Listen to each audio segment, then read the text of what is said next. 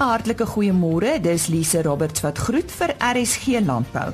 Op vanoggend se program gesels Henny Maas met Bertie de Wet van Laveld Agrochem oor inenting van diere.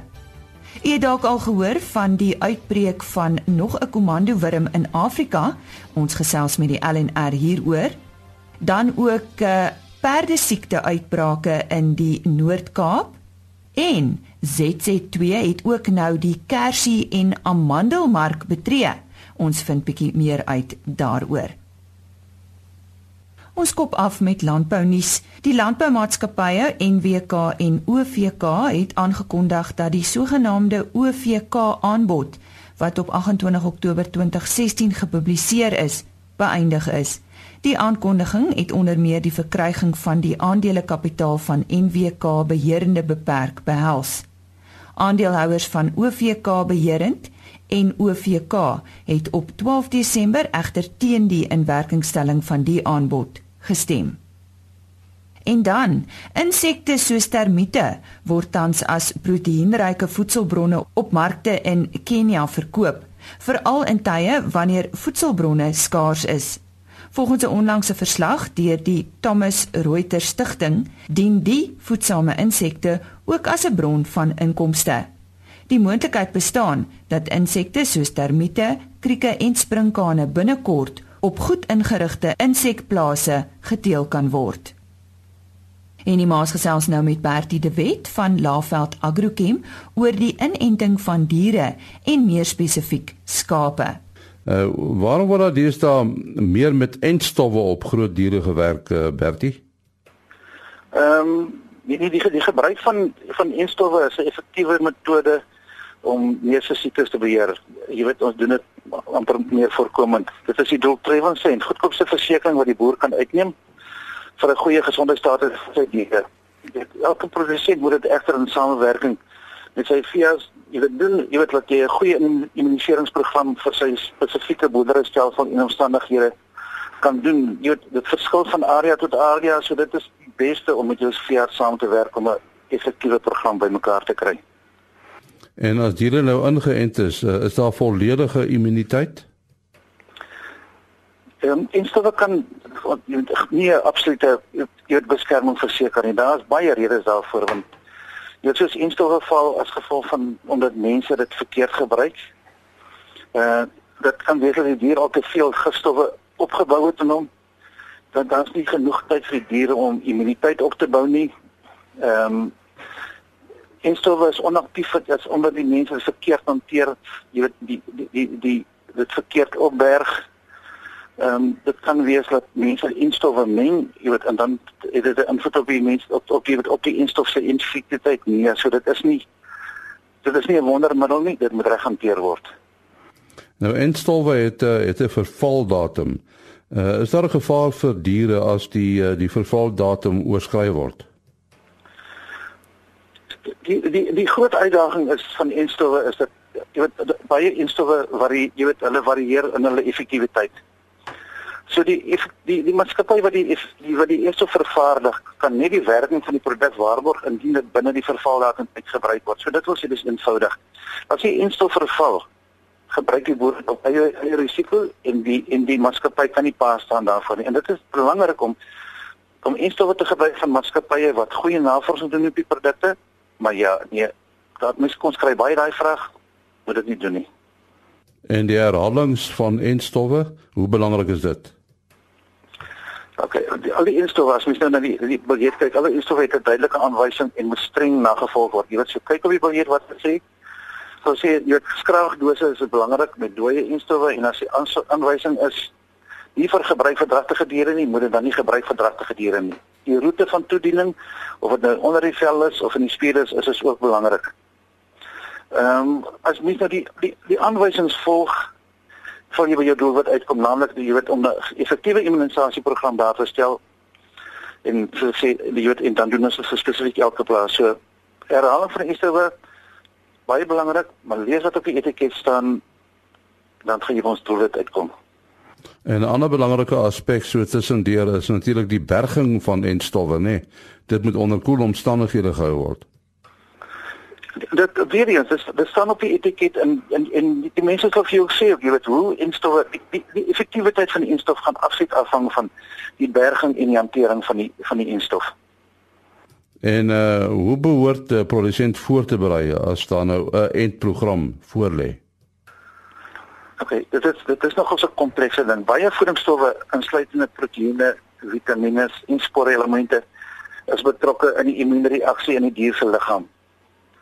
So enige tekorte van van hierdie wat ons nou genoem het, kan aanleiding gee tot suboptimale immuunfunksie. So dit wil sê as daar enigstens 'n tekort is aan proteïene, vitamiene of spoorelemente in die dier, dan dan gaan die die, die instof sukkel om sy job te doen. Stres het ook 'n negatiewe effek op die immuunstelsel en verminder die effektiwiteit van die van die uh, immunisasieprogram. So Al wat ons kan sê die diere moet 'n optimale vlak van voeding wees. Hulle moenie onder stres wees nie, moet goed dit moet goed ontwurm wees, skoon wees van parasiete. En kan 'n mens die die stres verminder uh tydens so 'n sessie? Ja, dit mens mens mens kan nie stres verminder. Jy weet dit soos ek sê, jy weet ons ons besweer weer dat stres 'n invloed gaan hê op die op die op die jy weet dit gaan negatiewe effek op die immuunstelsel en verminder die effektiwiteit van van die van die middels. So vir my kritieke jy weet vir kritieke periodes in die produksieproses soos direk voor dektyd, direk voor kalwing of as jy as jy oeye lam of jy weet voor paartyd. Jy weet vir my daai tyd, jy weet ook by speentyd. Jy weet as ons dit kan vermy dan dan gaan die ons middels net baie meer effektief wees. En as diere nou behandel is, moet moet diere op 'n ander manier hanteer word. Dit gaan dit gaan baie moeilik wees om jy weet om om spesiale uitsonderings te maak vir die diere. So voorstel is gaan aan met jou normale normale praktyke. Diere moet skoon wees van enige parasiete. Ehm um, hou hulle voedingsstatus, jy weet waar dit was. Probeer dit, jy weet probeer dit net so normaal as moontlik hou. Dit dit, dit gaan moeilik wees op enige enige produksie selfs om nou uitsonderings te maak vir vir diere wat nou geïmmuniseer is. So nee. Hou hulle so normaal as moontlik. Ehm uh, moet nie onnodig onder stres sit nie. Ehm um, behou die voedingsstatus en en kyk maar net na die algemene gesondheid van die diere. Ja, dit was dan eh, Bertie de Wet van Laveld Agrochem wat daar gesels het. Bertie, jou telefoonnommer? 082 784 5615. En die maas daar 'n gesprek met Bertie de Wet van Laveld Agrochem. Daar heers tans bekommernis oor nuwe komandowurm uitbrake in Afrika. Dr Annelie Erasmus van die LNR Instituut vir Graangewasse op Potchefstroom plaas net weer lig op die stand van sake en vertel ook meer van die komandowurms wat tans wel in Suid-Afrika voorkom. Goeiemôre Lize, dit is ehm um, sommer maar net om weer dit onder die aandag te bring van boere, aangesien daar nou al reeds sprake is van uitbrake van komandowurm in Zambië en Zimbabwe, het ons dit maar net goed gedink om weer almal te herinner daaraan en presies te weet hoe hulle lyk en wat om te verwag. So ons het dit net maar goed gedink om 'n radiopraatjie te lewer en om 'n kort artikeltjie te skryf vir ehm um, SA Graan. So die boere wat dan nou wonder kan asseblief gaan kyk na fotos of gaan raadpleeg die internet en gaan maak jouself net weer bewus van presies hoe dit lyk en wat om te verwag. So hoeveel tipes komandowurms het ons in Suid-Afrika? In Suid-Afrika is daar twee soorte komandowurms wat ons ken teen die tyd. Die Afrika komandowurm, Spodoptera exempta. Dis die ene wat ons nou so 'n paar jaar terug ook gesien het ehm um, wat so in groot massas getrek het en dan die klein komando wurms Pedoptera exiqua wat nie eintlik groot plaagstatus altyd bereik nie, maar hy is ook teenwoordig in Suid-Afrika. Maar tans is daar nou gerapporteer dat daar 'n nuwe komando wurm spesies se opwagting gemaak het op die Afrika kontinent en daaroor is ons 'n bietjie bekommerd. Hierdie is die vals komando wurm Pedoptera frugiperda. So dit is nou vir die eerste keer in Wes en Sentraal-Afrika gerapporteer en dit, dit word ook gedink dat dit dalk moontlik in Zambië en Zimbabwe ook die geval is. So vroeg laas jaar is dit nou vir die eerste keer gerapporteer en dit is eintlik die spesies wat in Amerika voorkom. Dis heel onbekend dat dit in Afrika is. Anemie, maar jy is seker daar's nêrens in Suid-Afrika enigsins 'n teken van hierdie wurm nie tot dusver is daar gelukkig nog geen teken van hierdie spesies in Suid-Afrika nie, maar die boere moet asseblief help om te kyk sodra hulle komando wurmuitbrake sien dat ons kan versamel en seker maak met watter spesies het ons dan nou te doen. Dan het ons dit onder die aandag van die landboudepartement gebring, so hulle is in kennis gestel, so hulle weet ook van die probleem en ek glo hulle sal ook verdere um, inligting vir uh, mense uitreik. Goed, nou jy het gepraat van die Afrika komando wurm wat wyd versprei is in Afrika en dan jy ook gepraat van die klein komando wurm. Kom ons begin by die Afrika komando wurm. Uh vertel ons bietjie daarvan.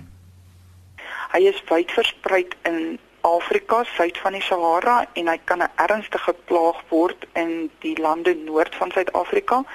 Kenmerkend van die Afrika komando wurm is die onverwagte plaaguitbrake en dit ken ons nou al teen die tyd.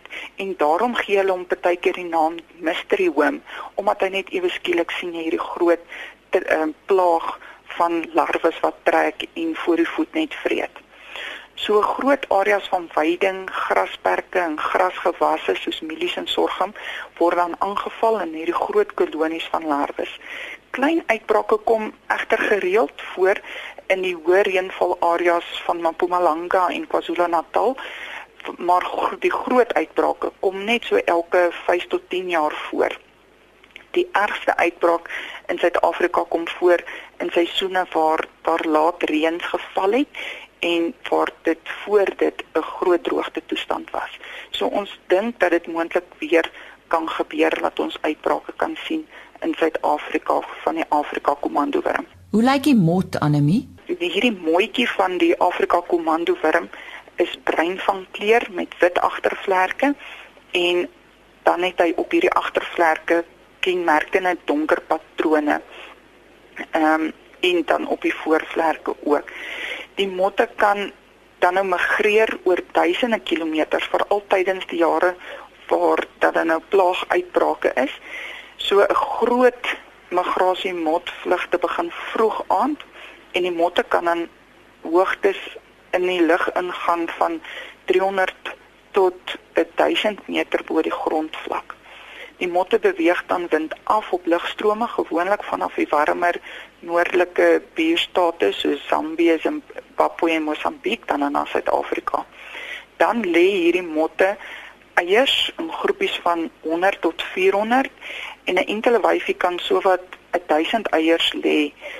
Die eiers broei dan uit so binne 3 tot 6 dae afhangende dan nou natuurlik van temperatuur en humiditeit en hoe meer gunstig die temperatuur en humiditeit is, hoe vinniger gebeur dit gewoonlik.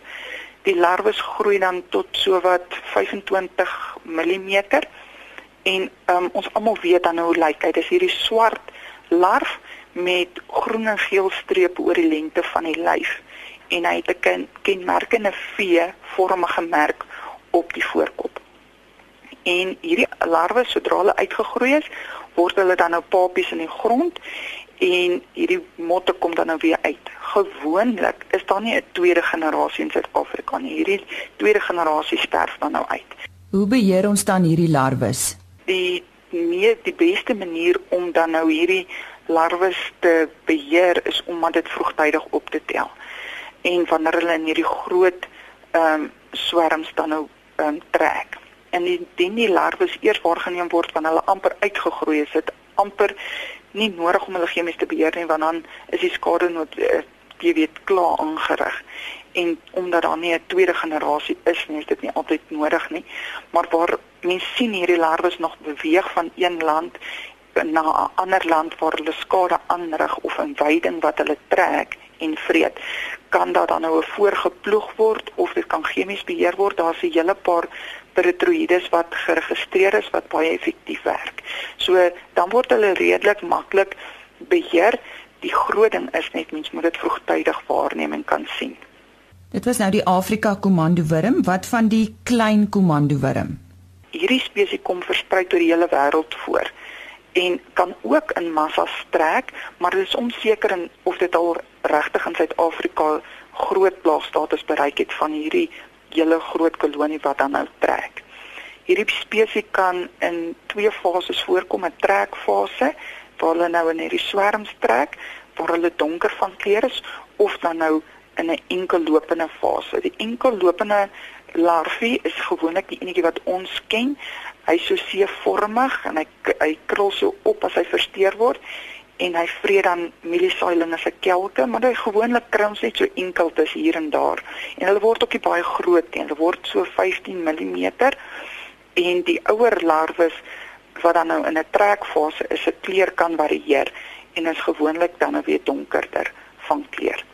Hierdie klein komandowurm se mot is so bleekgrys van kleur met bruin merke op die voorvlerke, die agtervlerke is ook dan met donker are. Die motte kan tot so wat 600 eiers lê, so in groepietjies van 30 tot 100 eiers per groepie en dit is dan nou um, gewoonlik nie die geval by ons in Suid-Afrika op mielies nie. By mielies kom daar amper nooit so groot hoeveelhede larwes voor nie. Dit is maar altyd sulke enkel larwies wat ons kry. En die larwes word dan ook papies en papies selle onder die grond en die motte kom dan nou uit so na 10 tot 12 dae um, onder die grond uit. Nou Anemie hierdie uh, wurm wat nou in Afrika gerapporteer is maar nog nie in Suid-Afrika is nie, word staan bekend as die Amerikaanse komandowurm of die vals komandowurm. Uh, wat is sy eienskappe? Dis 'n nuwe spesies wat in dan nou in Afrika gerapporteer is. Tipies is dit ook 'n komandowurm en vreet op die grasgewasse. Dit kan baie groot skade aan die blare aanrig. Dis sommer sulke groot gate soos wat die kelkblare ehm um, afrol soos wat die mielieplantjie groei. En hierdie larwe is ook dan eers groen, maar hoe groter hy word, dan verander hy ook maar van kleur en dan word hy donkerder. Maar hierdie larwe kan nou tipies ek dink ons gaan hom half verwar in Suid-Afrika met die bolwurm. So die boere moet maar seker maak as hulle hierdie groot massa wurm sien, is dit nie noodwendig dan 'n bolwurms wat jy sien nie.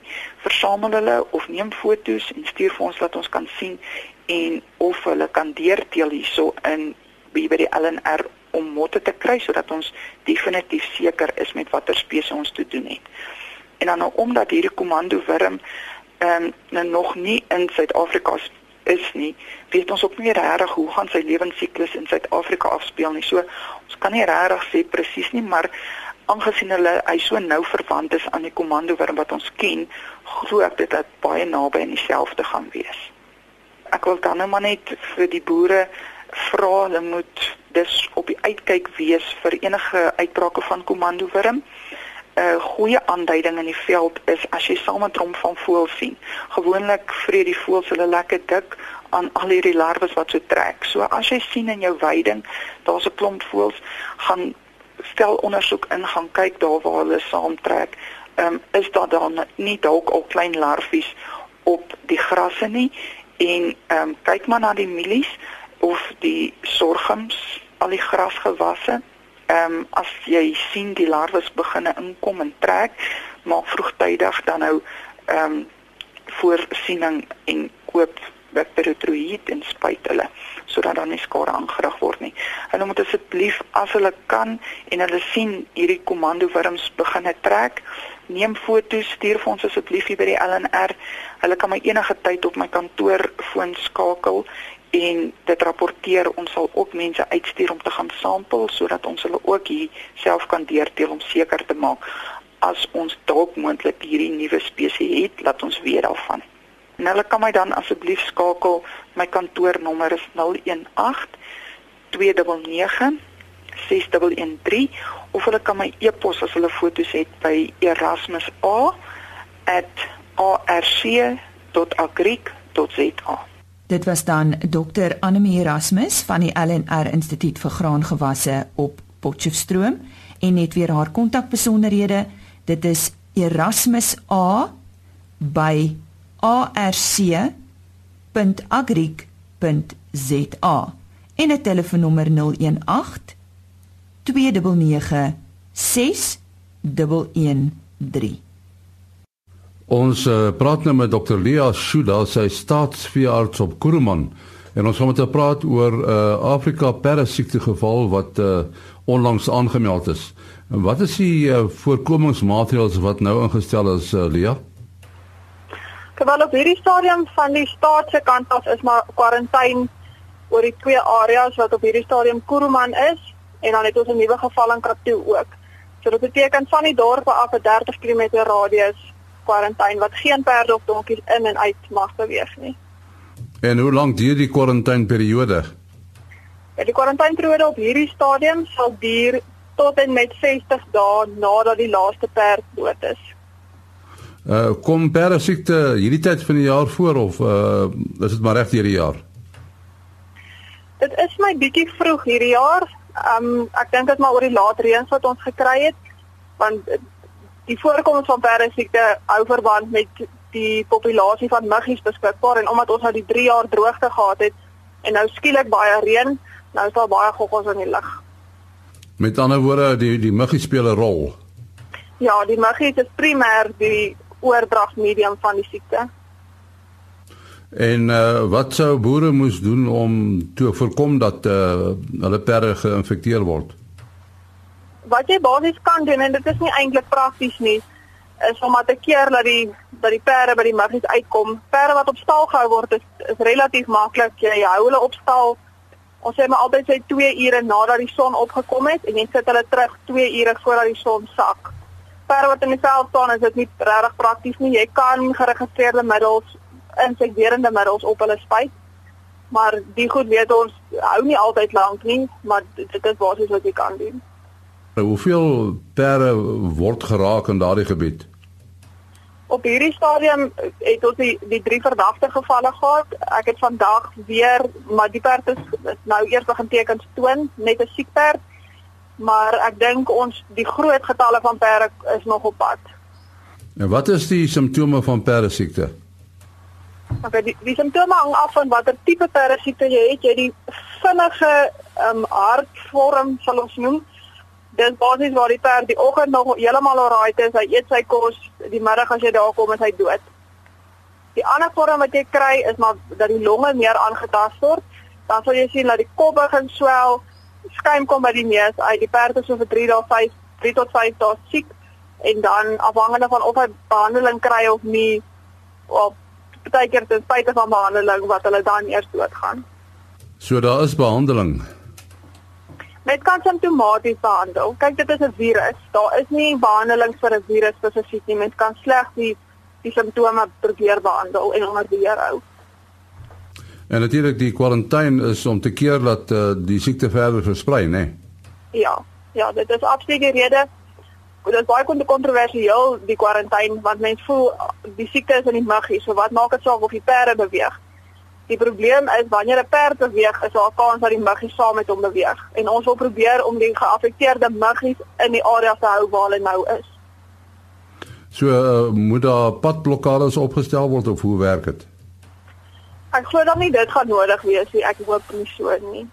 Ek is seker die mense verstaan die erns van die saak en en verstaan hoekom hoekom ons dit doen en dat dit tot veiligheid van hulle eie perde is dat die kwarantyne in plek is. En julle werk seker saam met 'n uh, plaaslike privaat veearts ook. Ja, ons doen. Um enige verdagte gevalle moet dadelik aangemeld word. Van die gevalle kom deur die privaat veeartse, ander kom direk van die boere af. So dit is 'n onmeldbare siekte. Dit is ja. Is daar enige ander gebiede wat geraak word? Ja, soos wat ek voorgesê het, ons het 'n ehm um, bevestigde geval in Katoo ook. So van vandag af is Katoo ook onder kwarantyne met 'n 30 km radius. Uh Lia, 'n telefoonnommer as mense met jou wil skakel. Okay, my telefoonnommer is 083 452 9882. Ons sê baie dankie aan Dr. Dia Shuda, staatsveearts daar op Kuruman wat gesels het oor perdesiekte wat daar uitgebreek het. 0834529882 is haar telefoonnommer.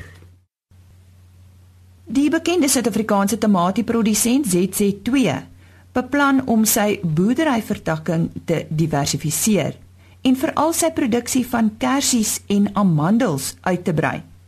Ek gesels nou met die maatskappy se bemarkingsbestuurder Clive Garrett hieroor. Clive, goeiemôre. Waarom diversifiseer? Ag, Jesus, soos jy sê, daar's 'n paar redes. Ehm um, jy weet die eerste is diversifisering.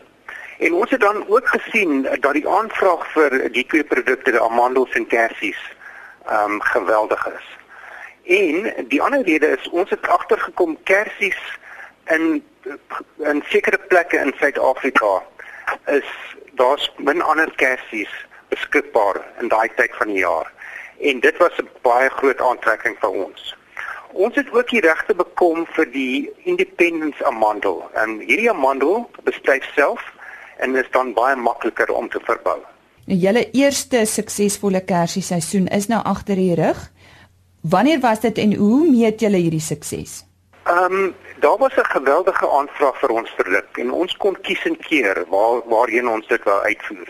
En dit is altyd baie lekker as jy 'n produk het en daar's 'n baie groot aanvraag daarvoor. So ons jy weet dis een van die redes wat ons gedink het ons is baie suksesvol daarmee. Daar is 'n omgewing van so 43 ton geproduseer en ons het na China en die VK uitgevoer en die kersies was gereed gewees in so September Oktober en soos ek vroeër gesê het daar's baie min ander kersies in die wêreld in daai tydperk. En die kersies word uh, naby Rustenburg verbou. Julle wil verder uitbrei. Wat beplan julle? Dis die groot probleem met kersies is dit baie baie moeilik om bome in die hande te kry. Ons is besig om met 'n paar kwekerye te onderhandel om meer bome te kry en ons sal so vinnig uitbrei as wat ons bome in die hande kan kry sê vir my Clive, wat behels kersie aanplantings? Is is dit baie arbeidsintensief? Sal julle ook meer personeel moet in diens neem? Elise ja, uh, kersie is baie baie baie uh, arbeidsintensief. Uh, dis nie net die die bome plant nie, maar wanneer die bome groei, verg hulle baie baie aandag. Ehm um, dis dis eintlik 'n gewas wat baie moeilik is om te hanteer en dan wanneer dit kom by die plukkery natuurlik ehm um, die daai end van die van die kersies moet aanbly. So dis baie hande arbeid wat gebruik moet word. So dis dis baie moontlik dat ons meer mense sal moet aanstel, ja. Kom ons fokus op die amandels. Uh vertel ons daarvan waarom en en waar uh, wil julle dit aanplant en en wat wil julle hierdeur bereik? Lisa, die amandels is ook hoog in aanvraag. Ek dink al hierdie hierdie mense wat op die banking dieete is, hulle soek almal amandels want amandels word nou gebruik vir brood en allerlei ander goed. Ehm um, RSA produseer ook net 20% van sy behoeftes en die res word ingevoer. Ehm um, soos ons vroeër gesê die amandels vorm ook deel van ons diversifiseringsprogram en ons dan wil ons aan die plaaslike mark se behoeftes kan voorsien. Ehm um, ons amandels word in die in die Weskaap nie uh, naby Riebeek Wes verbou. En uh, net om hier af te sluit, uh, ons weet dat daar 'n bedreiging was vir tomaties uh, op 'n stadium met Tuta absoluta. Het dit julle enigsins geaffekteer? Ek dink ehm um, ons hanteer Tuta absoluta soos enige ander uh, pla. Ons het spuitprogramme. Uh, ons landboukundiges weet van hierdie plaag. Hulle kyk uit daarna en ons het al die voor voor ehm um, voorsienings uh, stappe geneem dat hy nie eintlik 'n uh, 'n uh, groot dreiging het nie. Dit is aan die bemarkingsbestuurder van ZC2 Clive Garrett. daarmee groet ek dan tot maandagooggend om 05:30 Chris Viljoen môreoggend om kwart voor 5 op sy pos met nog 'n aflewering van RSG Landbou en so ook kwart voor 12 Saterdagoggend. Sterkte vir die res van u week en uh, mag u naweek net wonderlik wees. Totsiens. RSG Landbou is 'n produksie van Blast Publishing. Produksieregisseur Henny Maas. Aanbieding Lisa Roberts. En uitskoördineerder Martie Kerstyn.